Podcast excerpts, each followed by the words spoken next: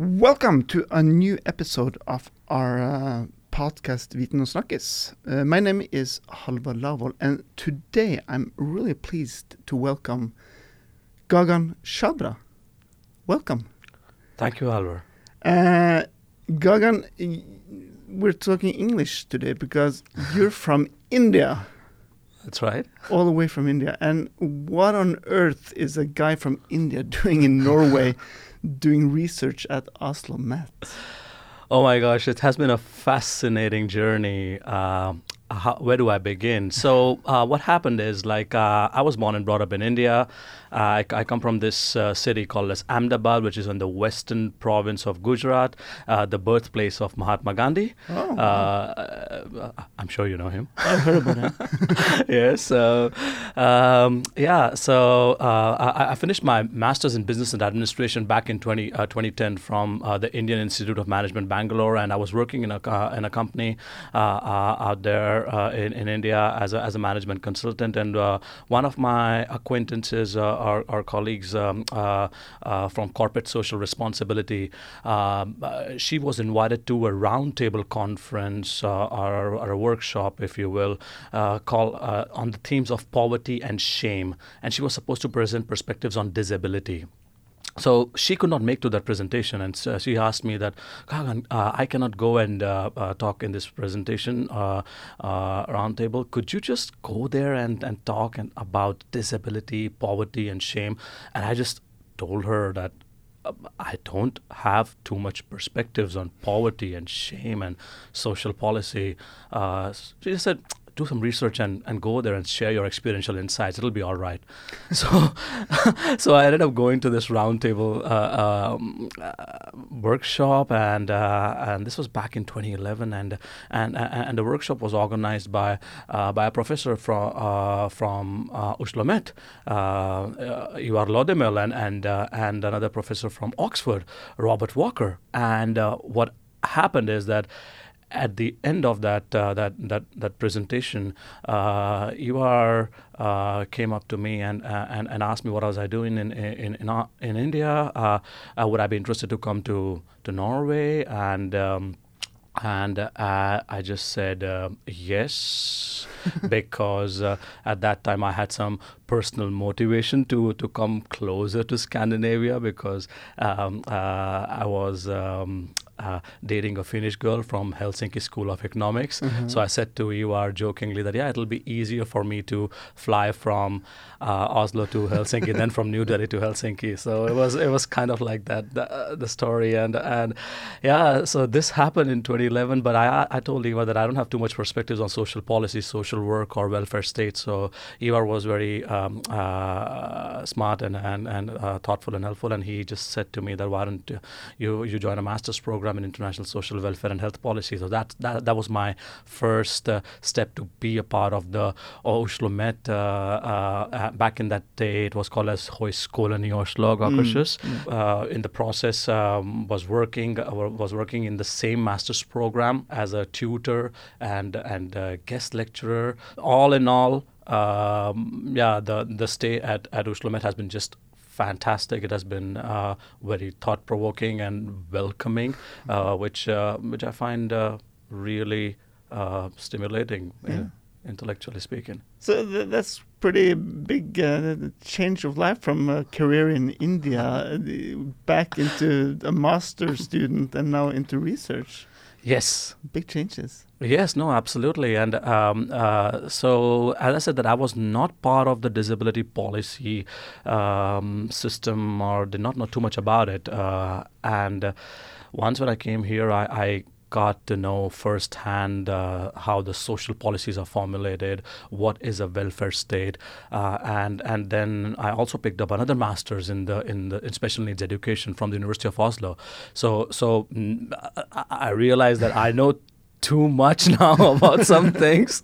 uh, especially you know disability related things when it comes to the education part uh, and um, and uh, and employment part and uh, in my first masters I, uh, in Oslo like I wrote a thesis concerning the employment situation for for people with visual disabilities in in in in Ahmedabad that's my hometown um, and I, I just got fascinated by by by the fact that uh, that the employment situation for people with disabilities in uh, in, in India is is so poor, mm-hmm. and uh, and uh, and I and I went to Forbundet many times. I have uh, many good friends out there, and uh, and uh, they would kind of echo similar kind of sentiments. So I was. I was really interested in the idea of you know uh, exploring this option. And as I said, Oslo Met has kind of uh, um, welcomed me with arms wide open, uh, and uh, and um, it's really. I feel very fortunate, humbled, and honored to be part of this incredible uh, institution. Sounds good uh, we have to tell the listeners that yourself also you're you're uh, visually impaired. Uh, you walk around with a, a white uh, cane. That's right. My yeah. gosh, like I'm, I'm I'm severely vision impaired. I should have said that uh, up front, you know, off the bat. Uh, and and uh, yes, I I do like I I have a, a vision.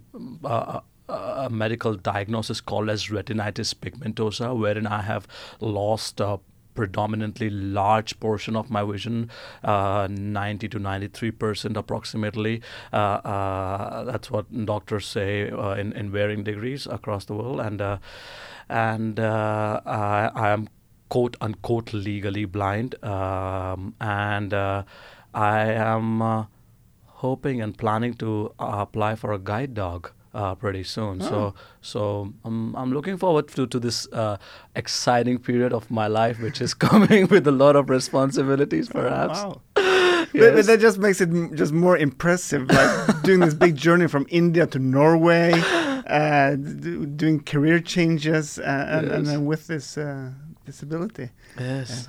but what really caught my eye here was your your uh, project here as as a, hmm. a, a fellow stipendiat. Yes. Uh, where you told me that the first thing you're doing is comparing Norway to India, uh, and how it is to be a disabled person in those two countries. Yes. And how can you compare uh, Norway to India? That's really two very different uh, countries.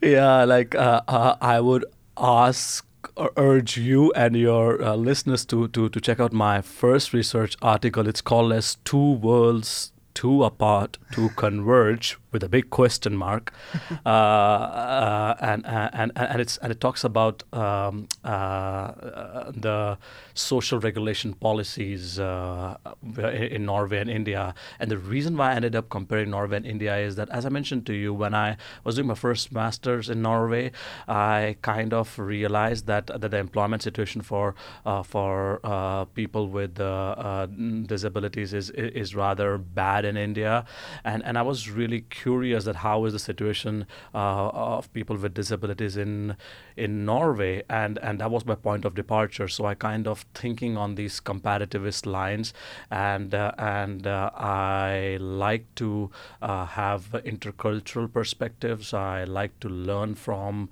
uh, different points of view, if you will. And what I found is that. Um, uh, that Norway has uh, previously never been compared to uh, any country outside the OECD, mm. quote unquote, rich, developed global north countries.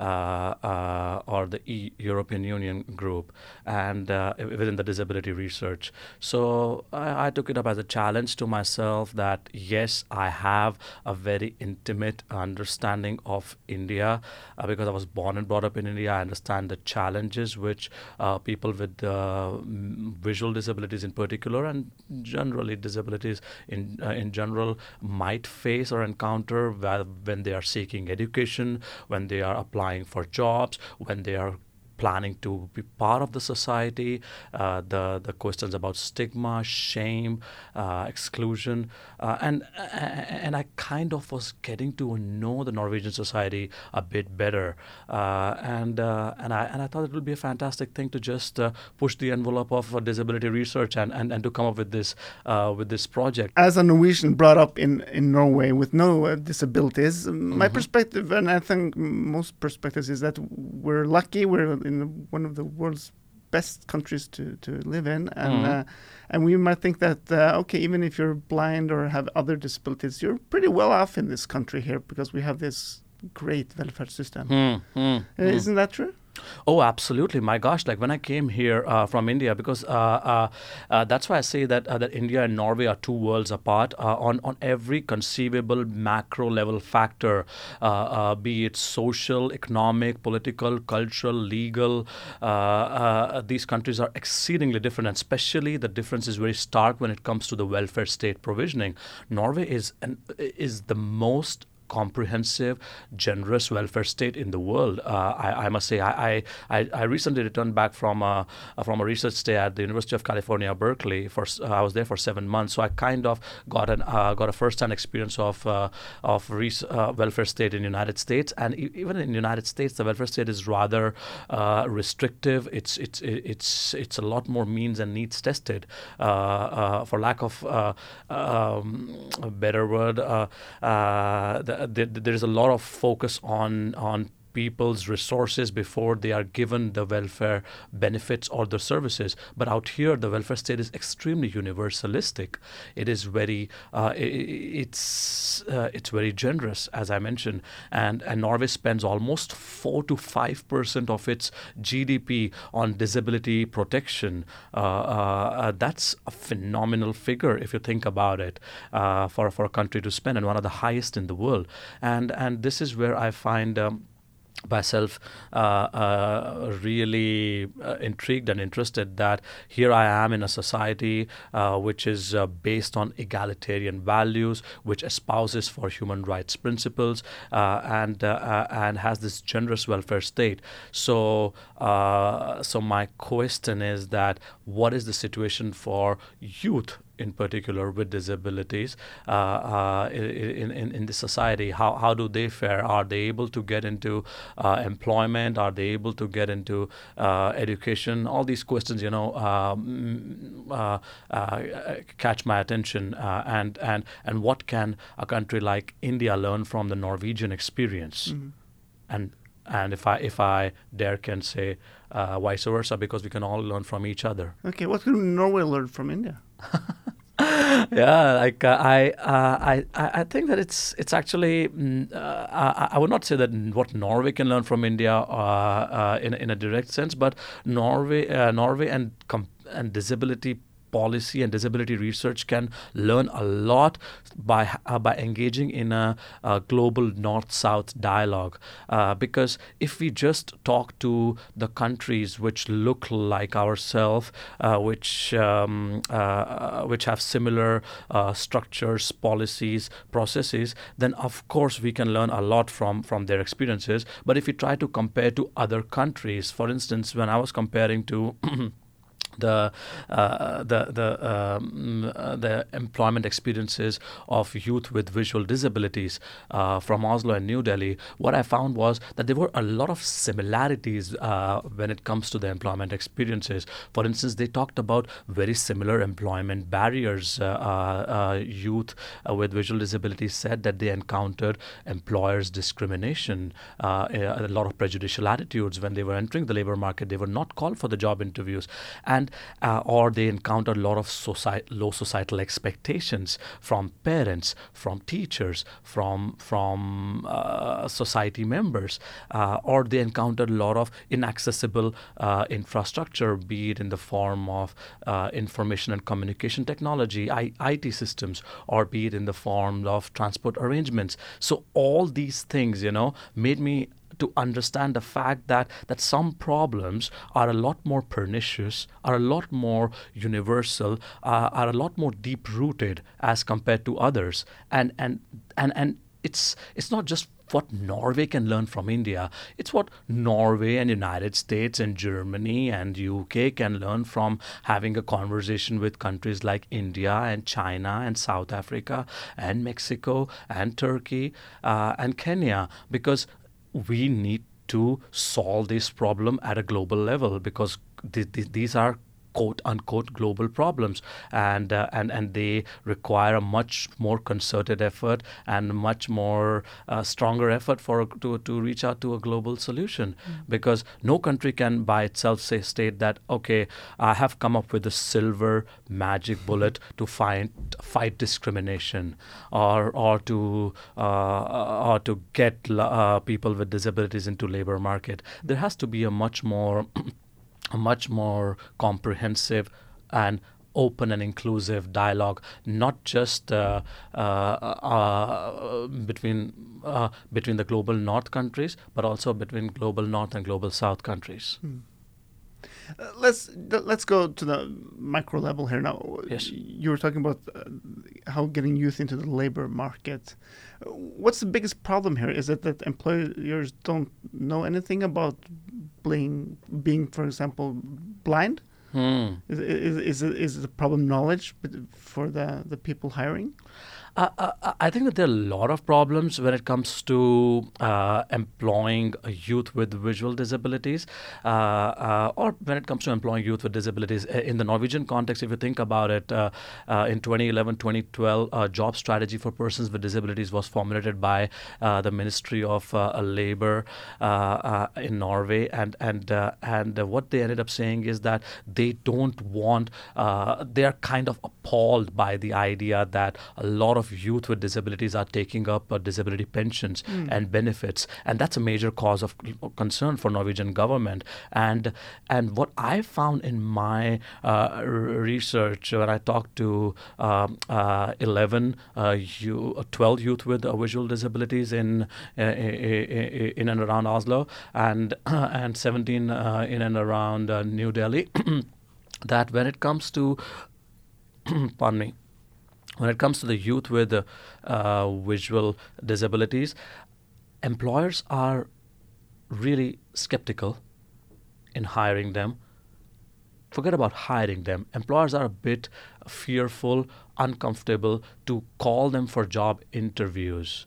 And if you are not called for a job interview, then you're not the chances of you getting hired get diminished quite drastically, and a, a, lot of it has to do with the fact that employers are are are, are uh, genuinely concerned about the cost barrier that that it'll be expensive to hire youth with visual disabilities because they will require a lot of accommodation services, and uh, uh or or uh, and and then they're also concerned about the productivity of these youth with visual disabilities because they think that that these youth will take a lot of sick leave and might not be able to be very productive and efficient. And there also there's this element of uh, uh, if you will, prejudice, uh, which is pretty prevailing in the labor market. Uh, there have been uh, employer uh, surveys which have which have tried to track the attitudes of the employers who are recruiting people with disabilities in, in, Oslo and in Norway in the past decade. And what they have found, employers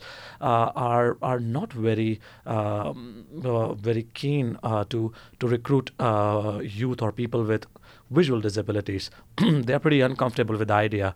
So, uh, going back to the idea of this MMI survey, which happened in 2006, what it found was that uh, uh, it's a lot easier for an employer in Oslo and Norway to hire uh, uh, a person with a who is an ex-convict or or who is coming from an immigrant background with low educational qualification as compared to person who is blind and who's using a guide dog with higher educational qualification. That kind of is a very appalling uh, uh, uh, and astounding f- um, uh, finding, if you will. That's Be- pretty shocking. Yes, and and, and the most uh, uh, shocking thing from my point of view is the fact that when I started this research, I was under the impression that the Norwegian labor market would be very open, inclusive, accessible, and enlightened, uh, because. Um, because Norway is one of the most uh, uh, progressive, uh, egalitarian, human rights oriented society uh, which one can find. It's the it's the jewel of uh, Scandinavia, and it's the it's the country which is on top of the Human Development Index and all these uh, worldwide indices which which which discuss about social uh, uh, equality and social justice. So yeah, I was I was rather uh, astounded. Yeah, but is it is it more expensive to hire a person with uh, visual impaired person? Uh, I, I don't know necessarily about person with visual impairment per se, but it's not very uh, extraordinarily expensive to hire people with disabilities in general. So, for instance, what, what Professor Peter Blanck says that uh, the cost of hiring uh, uh, or making reasonable accommodation for a person with disability, uh, vast majority of it, 90% of it, is less than $500 in the United States, and and, and only 5% exceeds more than $5,000. Mm. So, so it's not it's not very huge if you think from a uh, from a broader point of view. But it's but it, a lot of it has to do with um, the attitudes as i mentioned like uh, especially when it comes to a uh, person with visual disability you know the idea is this that a lot of perceptual richness which we get in our life is through is through seeing things. We we get 90% of our information uh, uh, through through seeing. And and and if i say to you Halvor how will it be for you if you lost your vision? Uh, your first thought will be gosh it'll be so difficult. I will not be able to uh, read emails emails. I will not be able to uh, write letters. I will not be able to see my family. Uh, I'll not be able to recognize faces. I'll not be able to go and ski, among other things. And and and the moment you you start thinking on those lines, then you will then you will think, oh gosh, it'll be very hard. It'll be a huge, uh, uh, uh it'll be a huge problem. Uh, and and then if if you see a blind or vision impaired person, you will project all those fears, all those uh, uh, uncomfortable thoughts, all those uh, misapprehensions or misconceptions onto the other person uh, because you yourself think that it'll your life will be very difficult uh, and and and the broader narrative in not just in the labor market but in the society is that if you have a a, a disability then you have a serious deficit uh, and and and if you have a serious deficit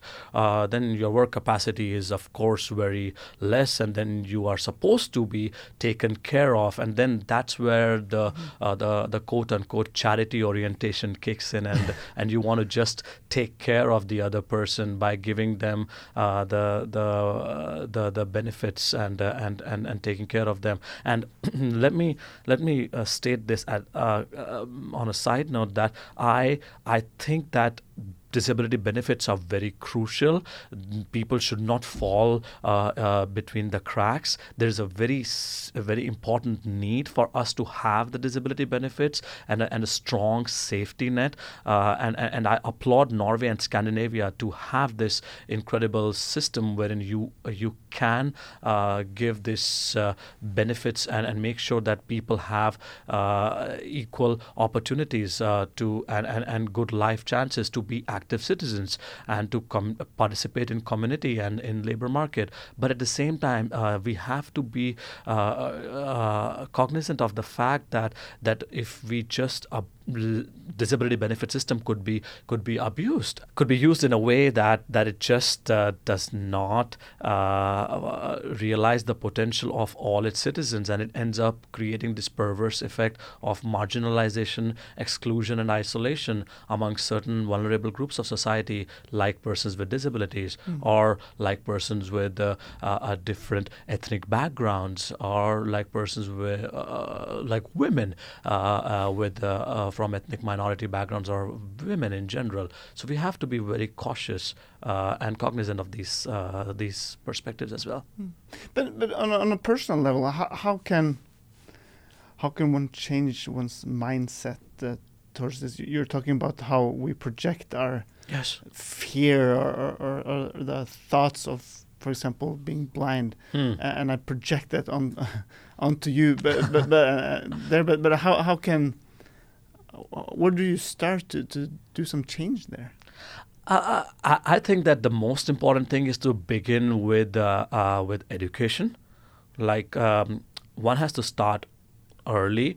Uh, I'm a very big proponent of inclusive education. I think all children should be able to have access to education in a similar uh, uh, setting wherein uh, wherein children with different abilities could interact and uh, should be able to understand and uh, and well appreciate the fact that that we that we have uh, different we have incredible diversity of of skin color of linguistic abilities of of abilities in general. For instance some people walk while others others you uh, uh, others wheel around mm. on a wheelchair, and there's nothing wrong about or right about either one of things. Some people use their sight to see, while others are able to use softwares like VoiceOver and JAWS to listen and to and to understand perspectives. so it, there's there there's nothing um, right or wrong. We we end up making a lot of normative assumptions and and uh, and we take a lot of these values in, in a very binary sense, like disabled and non-disabled, and disabled is uh, uh, associated with deficit and uh, and and victimhood, and, and non-disabled is associated with with strength and with uh, perfection and beauty and uh, and and, and and all the and all the other uh, rest of the narrative. Mm. So I think we have to kind of start changing those narratives, and we start with inclusive education, and then we we at a societal level make a very concerted effort. Uh, uh, Uh, to uh, to educate the uh, uh the people. We have uh, we have an open dialogue, the kind of dialogue which we are having right now, Halvar. we should be able to um, showcase these these role models, if you will, for lack of better word, that, that that people can be productive members of society. People can get education. People can have families. so, just to give an example, for instance, like one of the one of my participants from from Oslo uh, uh, uh, uh was uh, was going uh, with her perambulator with her little child and was shopping in in a supermarket out here. And and sudden and she's vision impaired and and suddenly um, one of the passerbys comes to her and and starts talking to her as if she is the child. Hmm. and starts starts feeling sorry for her starts uh, uh, treating her uh, as this as this care, like that, that she needs care. Mm. And she had to tell that, listen, I have a child and I am a caregiver. I am not a care receiver as you're anticipating.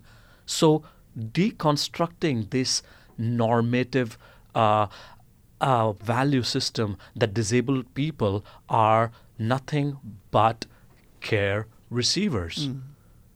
No, they can be caregivers. They can have successful families. They can have uh, uh, they can have successful careers. They can have uh, education, and they and they do. And uh, and this is the thing which is most uh, uh, intriguing and and kudos to this this participant you know like who shared this phenomenal story mm. with me and and made me understand that that attitudes are not as informed even in, in Oslo and and and it, and it comes as no surprise to me that attitudes are rather rather abysmal in in the Indian context as well in New Delhi like there is huge huge amount of uh, disparaging attitudes towards disability because Indian society is a caste-based society, extremely hierarchical. So exclusionary mechanisms are already kicked in in the society, and disabled people uh, in general, and blind and visually impaired youth uh, in particular, they they they find themselves on the far end of the spectrum of the society and feeling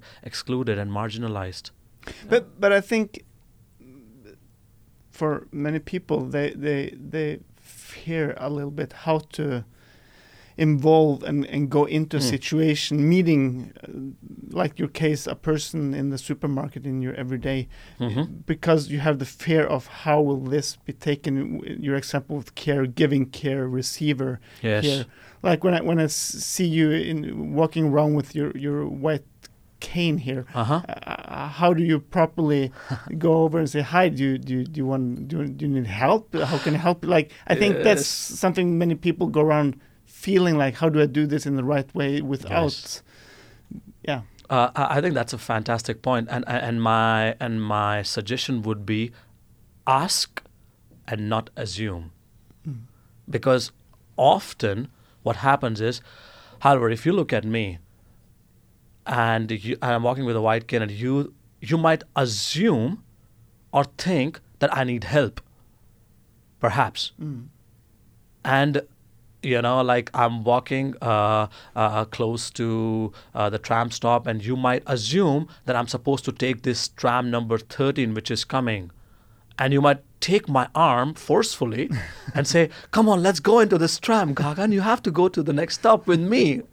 And i'll say to you no, I'm going in the opposite direction. Excuse me, please leave me and they stop. So, uh, so in, instead of having this um, uh, quote unquote awkward um, uh, interaction, which is a ground reality for many, many blind and visually impaired people, not just in Oslo, not just in New Delhi, but in San Francisco, in Berkeley. I have experienced this, this narrative being uh, retold to me that, that people have just assumed that the blind person or the visually impaired person is lost, it needs help, and they would be this quote unquote knight in the shining armor who will come to save this person from their from their uh, precarious uh, social predicament.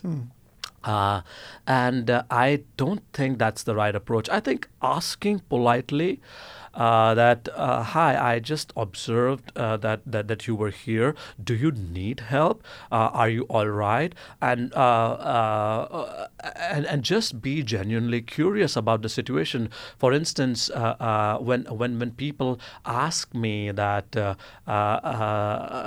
how, how, how is it that, that, that, that, you are quote unquote visually impaired, civilly vision impaired, and, and, and you're able to do your research?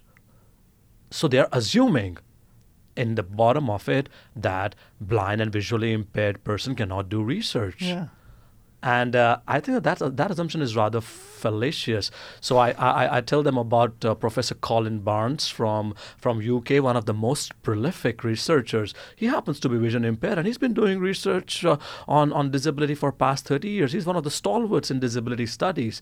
So it's about, you know, uh, dispelling uh, the myths, expanding the horizon of knowledge, uh, fighting these uh, uh, these uh, prejudices uh, uh, and i- a- a- and ignorance. And as as uh, I have heard many times, ign- and I would say, ignorance is curable, and the antidote to ignorance is is is knowledge, and uh, and we need to educate uh, people. And, and and it all starts from a micro level. I i of course want governments across the world to undertake uh, uh, um, information dissemination sharing of best practices uh, uh, and all these campaigns if you will to educate the people that we should come up with an inclusive society and not discriminate against people with disabilities. But at the same time i want to start it at a micro level by having or engaging into conversations like I'm doing with you, Halvar, right now. So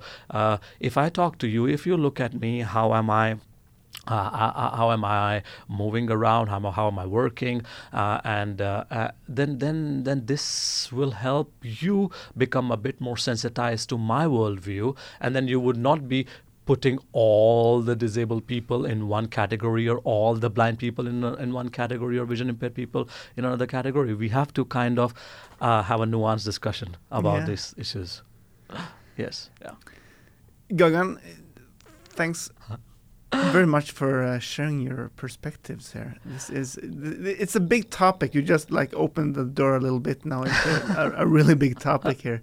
But uh, w- listening to you uh, sharing this, uh, yes, there was some big general things here, but uh, the big outtake for myself is the the thing you said: ask, don't assume. Hmm. I think we we all just start there. We will be heading the right direction here. yes, uh, no, thank you so much, Halvor, for giving me this opportunity. I really appreciate the fact that I, I am able to share these ideas with uh, you, and uh, this is uh, this is very very important to start this conversation. And as I said, that my PhD project is just the first step uh, uh, in, uh, and, and, and I'm sure in future many more people will take up this mantle of, of conducting much more audacious uh, research. And and thanks again uh, for, for inviting me here, and thank, thanks to uh, all the people in OsloMet who, who believe and support in my project. Mm-hmm. Thank you. And good luck with yes further work ahead of you, and uh, good luck with maybe a new dog soon.